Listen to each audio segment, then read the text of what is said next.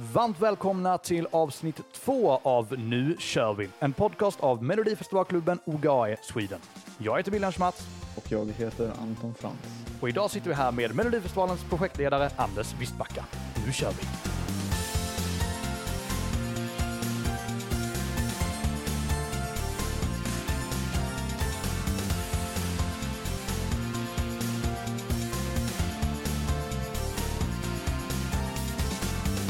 Det är helt riktigt. Ni lyssnar på avsnitt två av Nu kör vi, podden där vi djupdyker ner i världen kring Melodifestivalen och Eurovision Song Contest. Vi sitter här med Melodifestivalens alldeles egna projektledare Anders Wistbacka. Hej Anders! Hej! Hur, eh, hur känns det för dig att, att sitta här i eh, poddinspelningen idag? Ja, men det är, helt ärligt så är det lite konstigt. Jag är ingen eh, van podd, eh, eh, vara med i poddar så att eh, jag lär mig. Men ni får ursäkta om jag beter mig som en amatör. helt enkelt. det, det gör absolut eh, ingenting. Det är helt okej. Men eh, vi ska börja lite lätt. Eh, Anton, du har ju den gyllene frågan som vi, eh, som vi kan börja med. Ja, vi har ju som tanke här i våra avsnitt att fråga vår gäst om ett särskilt år eh, från Melodifestivalen och Eurovision-historien som betyder extra mycket för gästen. Så då vill vi be dig Anders att välja ett år mellan 1956 och 2024 som, som du eh, har extra kärt. Det, det är ju, alltså, det, för mig, jag är så pass gammal så för mig går det ju inte att komma ifrån 1974. Eh, jag kommer ihåg de starka känslorna. Trots att jag var så liten så kommer jag ihåg det. Eh, att allting var så häftigt. Eh, och, ja, det var ju ESC, kanske mest den jag kommer ihåg då, liksom, finalen där. Men det var kul. Det var starka upplevelser. Jag kommer ihåg att jag satt i soffan och bara imponerades av gitarrerna och allt det där. Var det just ABBA som du kom ihåg från 1974 eller var det någon annan artist också? Som till exempel Nej, men det är ju Lasse. Berghagen. Nej, det är ABBA. Det, så är det bara. Sen, eh, sen har jag ju lyssnat på ABBA eh, sen dess, liksom. Hela fram till nu. Så det är ju... Ja, nej, det går inte att komma ifrån ABBA. Det gör inte det. Nej, men det är ett väldigt starkt minne som jag tror många delar med dig eftersom det också ledde till Sveriges första vinst i Eurovision. Ehm, så det är bra Anders, då vet vi eh, var du står i Melodifestivalhistorien. Och min ålder också avslöjar jag med det.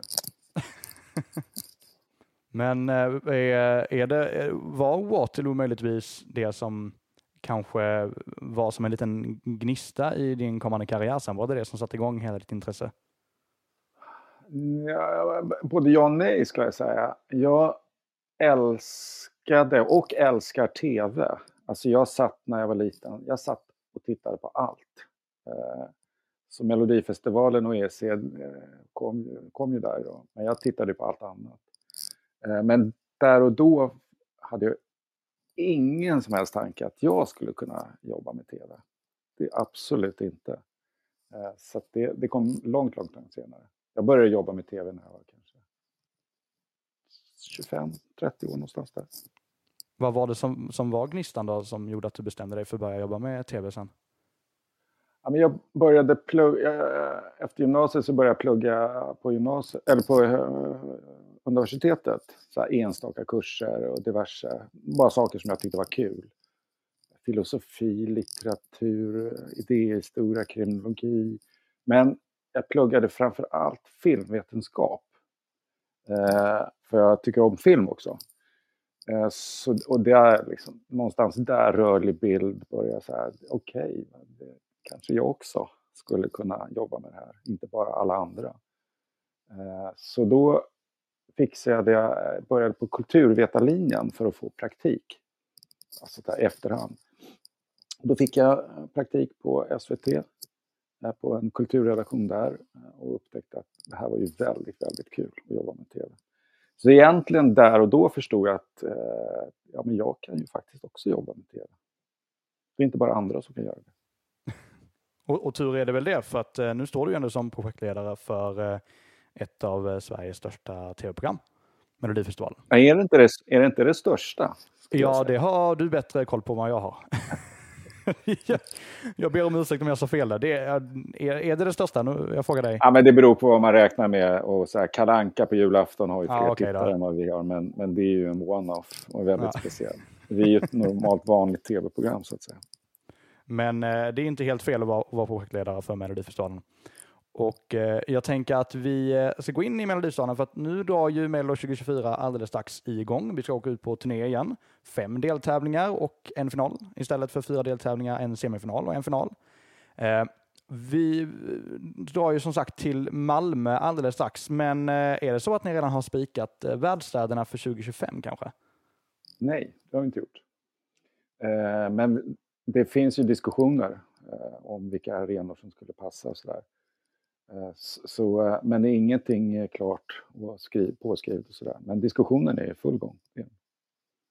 Jag tror det är många som undrar om ni kommer tillbaka till Norrland 2025. Ehm, ja, men tror, det, tror det blir så? Eh, det är vår absoluta ambition att göra det. Jag är inte nöjd att vi inte är i norra Sverige den här gången. Det är inget bra. Vi är ju hela Sveriges fest och då ska vi också vara i hela Sverige. Så att, tyvärr så, så funkade det inte 24. Eh, men eh, det får inte bli, hända igen att vi inte är i norra Sverige eh, 25. För det är ju så att ni är ju ja, alltid, de senaste åren i alla fall, i Malmö, Göteborg och Stockholm. Det är ju fasta värdstäder sedan 2009. Varför är det så att ni alltid kommer tillbaka till de städerna?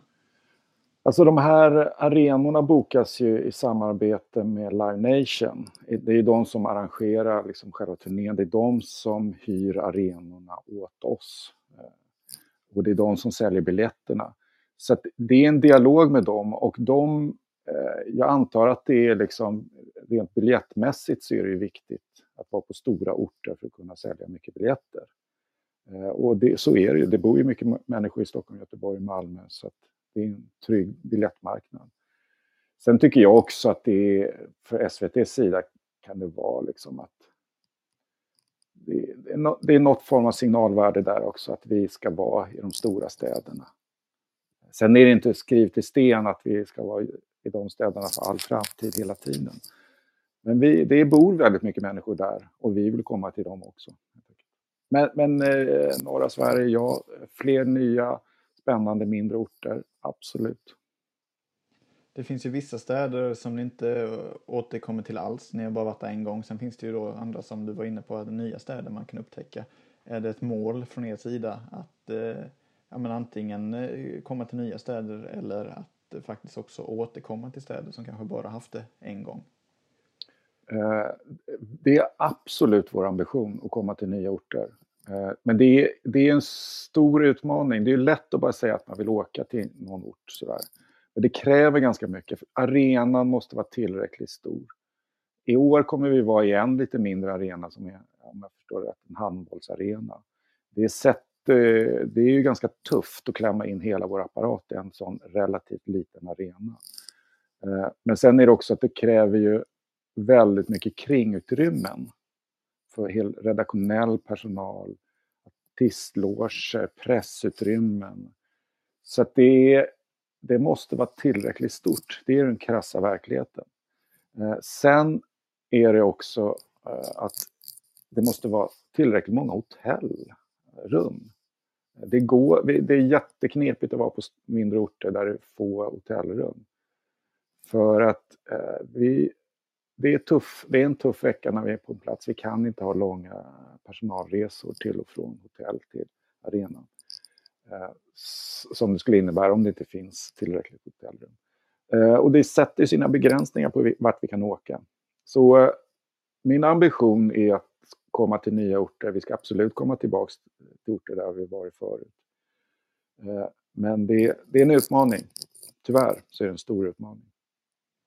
Jag tänker ju så här också nu 2024 så ska SVT också arrangera Eurovision Song Contest.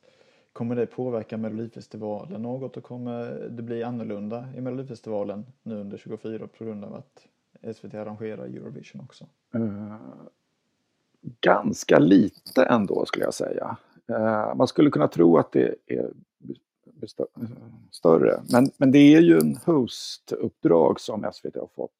Och det är ju en separat redaktion som jobbar med det.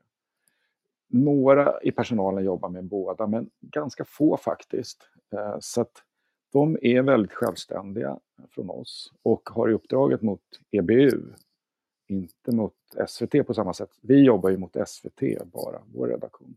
De andra jobbar ju mot EBU. Eh, vi sitter i samma hus. Vi har, vi har, vi har liksom, ja, de är lite hemliga. De berättar inte för oss heller. Eh, men vi har ganska bra samarbete när vi behöver. Vi pratar. Och det blir väl ett, ett litet genrep i Malmö Arena. Sådär, på något sätt. För oss alla. Eller för dem. Men eh, kommer man märka av eh, någonting i programmet att det är just till eh, Malmö vi ska i maj, där allting ska avslutas? Ja, men det kommer, alltså vi kommer ju berätta det, absolut. Vi börjar och slutar ju i Malmö, så att eh, det, eh, det är liksom, eh, det är viktigt för oss och vi är ju stolta och glada att vi vann förra året. Så att det hoppas jag verkligen att tittarna märker, att det på det sättet kommer att märkas. Men, men på den stora bilden så är det så att säga en vanlig eh, säsong. Det skulle jag nog säga. Vi ska ta fram en vinnare som ska tävla sen i ESC. Det är det vi ska göra. Och sen är det ju så, Melodifestivalen kommer förhoppningsvis fortsätta i många år framöver. Eh, hur arbetar ni med utvecklingen kring Melodifestivalen? Ja, men vi har, eh, vi har ganska mycket utvecklingsarbete tycker jag faktiskt. Jag har satt ihop en grupp som eh, eh åtminstone en gång i veckan sitter i några timmar och bara pratar framåt. Vi pratar 28, vad vill vi vara då? Vad är viktigt att göra för att det ska vara så ett populärt program även 28? Eh, vi, senast igår pratade vi jättemycket om 25. Eh, vi pratar om appen, alltså den utvecklingskurvan. Vad ska hända i appen framöver? Appen är, är extremt viktig för oss. Så att den, att den lever och mår bra är jätteviktigt. Eh, och vad kan vi göra runt programmet? Vilka evenemang, vilka program kan vi göra? Vad, vad, vad vill tittarna? Vill tittarna ha mer Melodifestivalen eller vill de inte ha det? Så att eh, absolut jobbar vi mycket med utveckling framåt. Har du, har du någonting du kan avslöja där med, med vad ni kommit eh, fram till i det här utvecklingsmötet? Nej, det kan jag inte göra för det är ju liksom pågående arbete. Men en sak är ju att vi tittar på hur, vad, runt omkring Melodifestivalen. Alltså vi utvecklar ju själva programmet varje år. Det ska ju vara, ska bli, det ska ju bli bättre för varje år. Liksom. Men vad, vad händer runt omkring? Vad behöver vi göra där? Och så vidare. En sak som är, en sak som är lite nytt i år är ju det här med eh, förlängningen på deltävling 5, det här finalkvalet mm. till exempel. Det, det har ju varit, från början, en gång i tiden var det andra chansen och sen så blev det ju semifinal och nu är det ett finalkval. De liknar ju alla varandra, men så är de i mm. olika form ändå. Hur kommer det sig att ni valde att skrota semifinalen förra året för att nu övergå till en förlängning av deltävling 5 istället? Ja, men det här är ett bra exempel på vårt utvecklingsarbete. Det här satt vi med ett år, eller typ eh, när jag började så började vi med att utveckla strukturen i programmet. Eh, och sen så under ett år så satt vi och diskuterade, pratade med alla, pratade med våra chefer, pratade med skivbranschen och så vidare. Så kom vi fram till det här förslaget. Ja, men grunden varför vi gör det är ju för att eh, vi, har, vi märker att semifinalen, Andra chansen, inte är, levererar lika mycket som en deltävling. Eh, vad det gäller tittarsiffror, engagemang eh, på våra sociala mediekonton, journalister, biljettförsäljning. Eh, eh, och det, det duger liksom inte. Vi måste göra någonting åt det. Alla deltävlingar ska vara liksom maxade. Så vår enkla analys är att anledningen till det här är att det är inget nytt material, det är inga nya artister i, i den eh, episod 5 som det var då. Eh, så att vi behövde få in nytt, nya artister eh, nya tävlande artister. För det är det som driver tittning väldigt mycket. De tävlande bidragen, de tävlande artisterna.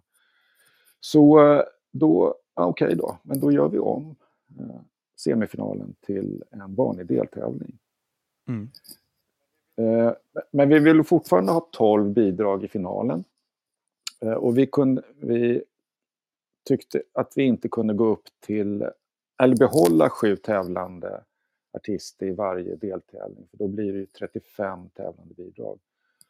Och då, det tycker vi att nog är för mycket, sådär bara på ett bräde gå upp till den. Och, men då, okej, okay, men då kör vi sex artister i varje deltävling. Eh, och då får vi då, om, två, om vi behåller samma upplägg, två går direkt till finalen, så får vi då, ja, blir tio stycken. Då har vi två till som vi vill ta ut. Ja, men då tänkte jag, men då förlänger vi liksom deltävling fem bara och tar ut de två sista. Så enkelt var den tanken. Och det, det som är bra med det är också att för att kunna, det här pratar kanske Karin mer om, men vi, behö, vi behöver ju stor spridning i musiken. Eh, och eh, det är absolut jättebra med, med låtar som liksom fäster direkt, som så att säga en hit från första takten. Men vi behöver också annan typ av musik som behöver några fler lyssningar, som behöver växa hos publiken. Eh, att kunna spelas på Spotify ett antal gånger. Eh, så det, då blir det två flugor och en smäll. Vi får i deltävling 5 så får vi ny, nya tävlande artister. Men vi får också med hjälp av eh, med finalkvalet så får vi också eh, ge en, en chans till, till eh, tio artister ja, åtta, tio artister att försöka hitta sin publik under veckorna. Så det var liksom grundtanken. Ja, och det, det ska bli jätteintressant att eh, se hur det blir eh, också. Jag själv är supertaggad på en femte deltävling eh, faktiskt. Mm. Det ska bli eh, kul också med två till låtar, 30 låtar istället för 28 till exempel. Mm. En annan sak som är lite förändrat nu i år, som kanske inte är lika roligt, är ju tyvärr att vi har ett väldigt eh, förändrat eh, omvärldsläge. Eh, och vi ska ta upp det utan att landa i det allt för mycket. Men det är ju ett förändrat säkerhetsläge tyvärr och det påverkar ju eh, såväl eh, evenemang som, som andra allmänna grejer och tv-produktioner och så vidare. Hur, hur skulle du säga att ni, ni arbetar med det i Melodifestivalens produktion i år? Ja, men vi, har ju, vi vet ju det också, så att vi har höjt vårt säkerhetsarbete. Vi gör mer nu. Så, så är det enkla svaret. Mer 24 än 23. Eh, jag kommer inte kunna berätta exakt vad vi gör, för då är det inte till mycket till säkerhetsarbete, för då vet ju de som hotar oss vet vad vi gör. Så det kommer inte jag berätta. Eh, men vi gör ja, mer. Nej, gör inte det. Det är helt rätt. ja, men journalister eh, kommer till exempel märka att vi kommer söka igenom deras väskor. Alla journalister kommer få sina väskor, väskor genomsökta. Det är någonting som vi gör eh, liksom, för SVT. Eh, men sen så Live Nation då som hanterar, som har, säljer biljetter och hanterar eh, publiken via förvisso via ett, ett annat bolag, men de, de lyder ju under de normala reglerna om väskförbud på arenan. Och sådär, så det kommer vi ha också. Så att publiken får inte ta med sig väskor. Eh, och det är ju för att vår allas säkerhet, helt enkelt. Så enkelt är det. Och jag tror att, och jag hoppas att besökarna kommer uppskatta ändå, trots att det är lite surt att inte få ta med sig sin väska, så är det ju för högre säkerhet. Helt enkelt. Mm. Ja, det blir ju det blir annorlunda, men eh, det är ju ändå eh, förståeligt som sagt utifrån hur säkerhetsläget ser ut. Men, men vi, alltså, det ska man, vi, vi ska ju fortfarande vara den här folkfesten, vi ska vara glädje, så det, är ju liksom, det, är, det får ju inte påverka evenemanget i sig och jag tror inte det kommer göra det. Eh, jag tror att folk kommer bara vara glada och pepp som vanligt. Man kanske snarare sagt kan se det som att Melodifestivalen behövs som ett litet ljus i, i mörkret om man vill eh, se det så. Ja, ja men det är jag helt övertygad om. Alltså det är ju, inte minst i de här jobbiga tiderna som är nu så behövs ju vi ännu mer tycker jag. Så jag tycker vi har ett ansvar att göra precis det. Var, kliva in nu, skapa gemenskap, ha gemensamma upplevelser, sprida glädje och att man gör det här tillsammans.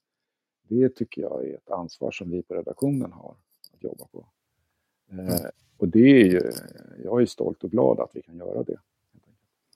Vi ska ta och eh, lämna den lite dystra diskussionen om eh, säkerhetsläget och eh, byta ämne faktiskt och istället prata lite om hur din resa har varit till att bli projektledare.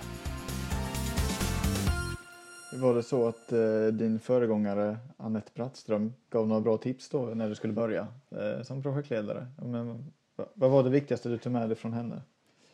Eh, oj, eh, mängden. Alltså, eh, jag hängde med henne eh, för två år sedan. Jag var praktikant på den turnén. Eller det var, inte, det var en halv turné då. Men, så jag gick bredvid helt enkelt bara. Eh, och ställde massa frågor. Jag hade ju liksom ingen uppgift utan jag kunde bara hänga med och titta. Var in i alla rum och såg vad som hände. Det var fantastiskt under sex veckor att bara hänga med. Eh, och bara ställa frågor hela tiden. Så det var nog mängden och omfattningen liksom, och ingen specifik sak sådär skulle jag säga. Förra året var ju ditt första år som projektledare för Melodifestivalen.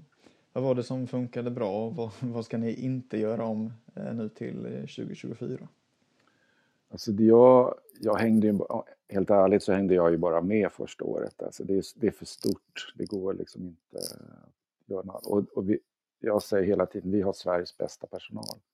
Det är extremt duktigt folk som jobbar med den här produktionen. Så eh, jag känner mig väldigt trygg eh, i produktionen på det sättet. De kommer, de kommer leverera även i år. Men jag menar, det finns alltid saker att justera. Om vi sätter oss ner och tycker att Nej, men nu har vi gjort det bästa vi kan. Det är fullständigt livsfarligt. Eh, det finns alltid saker att göra bättre.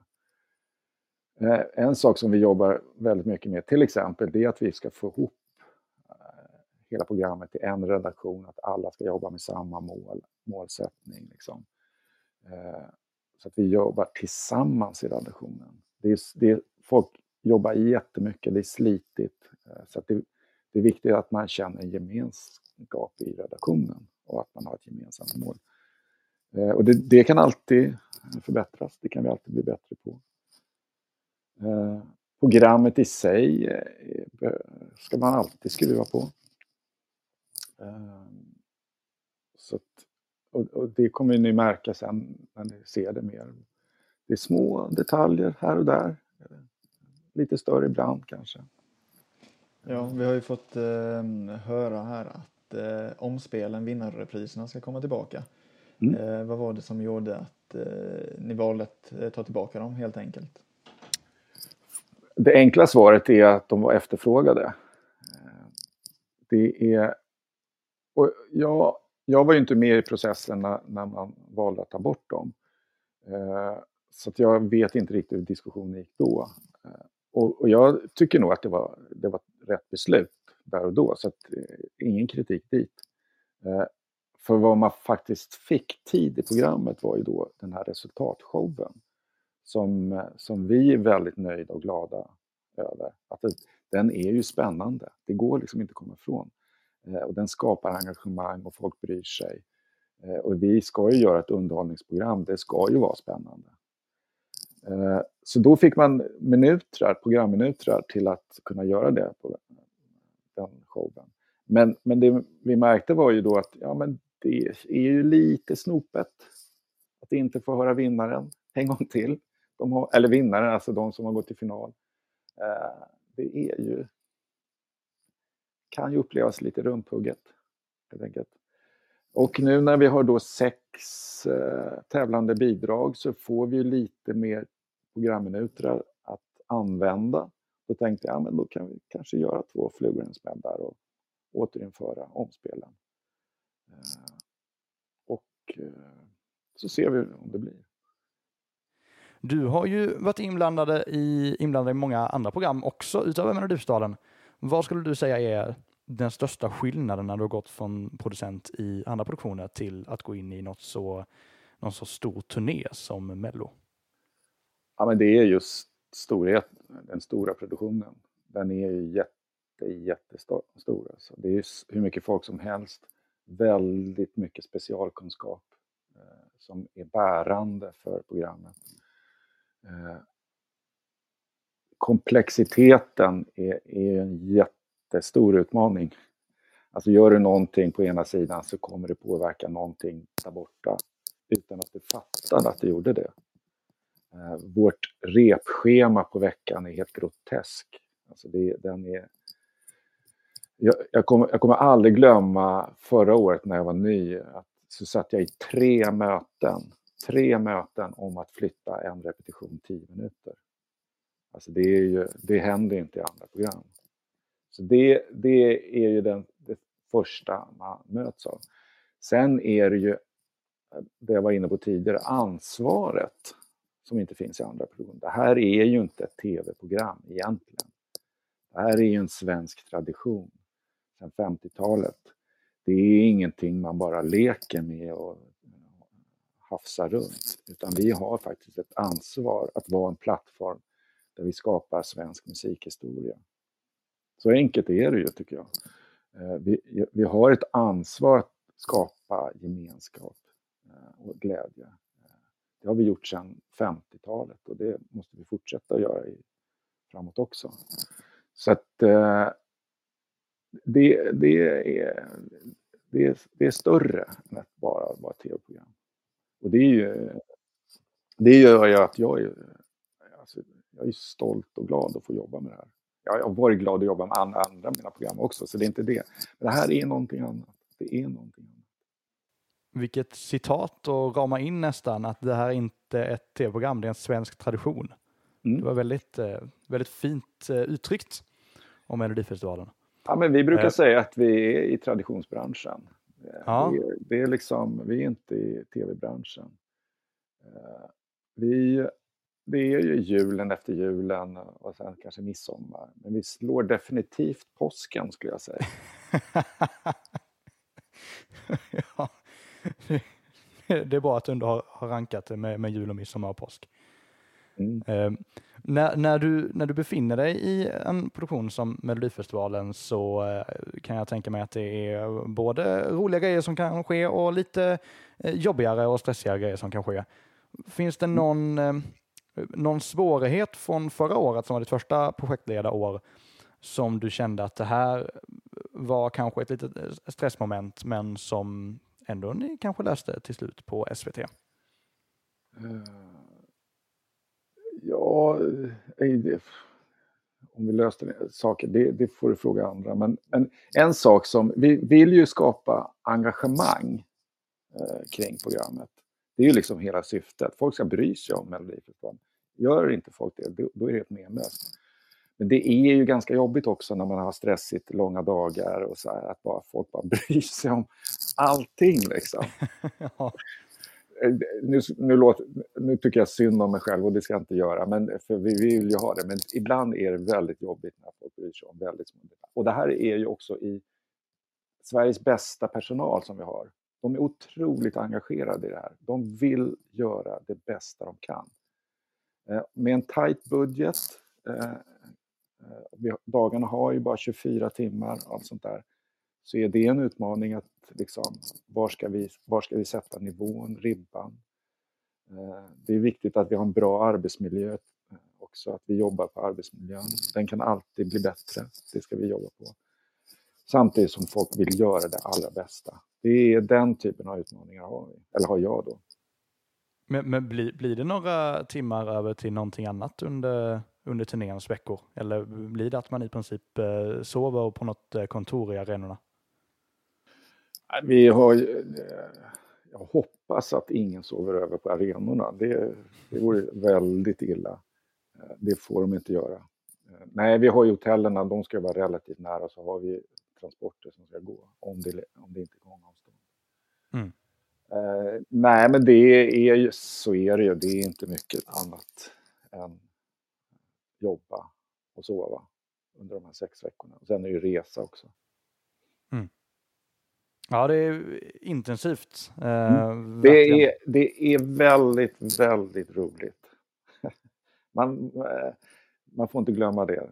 Vi, vi, jag tror att de flesta i redaktionen och i personalen tycker jag håller med att det är väldigt, väldigt roligt. Slitigt, långt, men också väldigt roligt. Ja, sen eh, 2020 så instiftades ju Hall of Fame eh, i Melodifestivalen. Eh, hur fungerar arbetet med att välja in minnen där?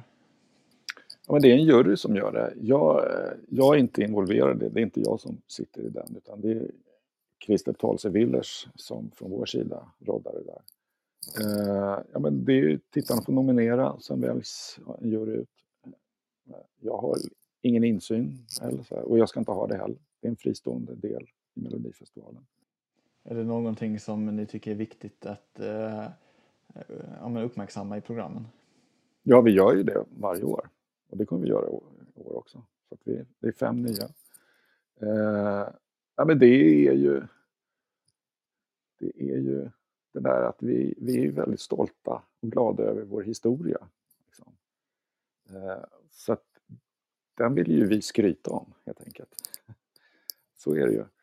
Eh, sen är det ju, om man ska vara lite krass, så är nostalgi är också en väldigt bra känsla i ett tv-program. Och vi jobbar ju med känslor.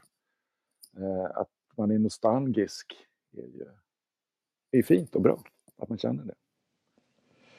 Ja, om vi tänker lite röstningssystem nu, för vi ska faktiskt rösta fram en vinnare i mm. årets Melodifestival. Eh, I Norge så har de ett system där det är max en röst per person i varje deltävling och i mm. I Sverige så är det ju 60 röster i appen per person i deltävlingarna.